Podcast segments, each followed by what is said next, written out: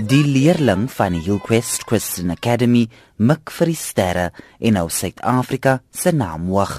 Asia Marks het in April die nasionale kwalifiserende rondes vir die internasionale kompetisie in Johannesburg gewen.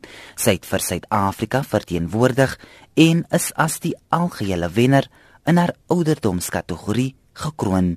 In New York het Marks voor top Amerikaanse regisseurs, talentagente en musiekmaatskappye opgetree.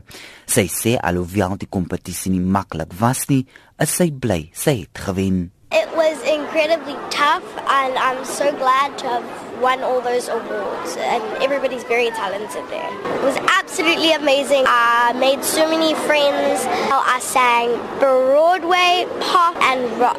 For my Broadway I sang Maybe.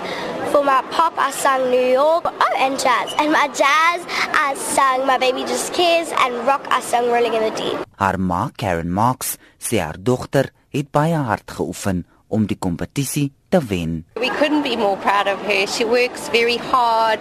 In performance arts, you always have to be growing. But if you put your mind to it, you can do it. Because she went into this last year having never performed in a competition of this caliber. So it was a lot of fundraising and a lot of preparation from her side. Vocal lessons three times a week. Just constantly, constantly working on those performances so that she could get them to the level that they need to be at to perform in America. Mark se toekoms lyk belovend omdat Amerikaanse regisseurs en musiekmaatskappye versot op haar talent is.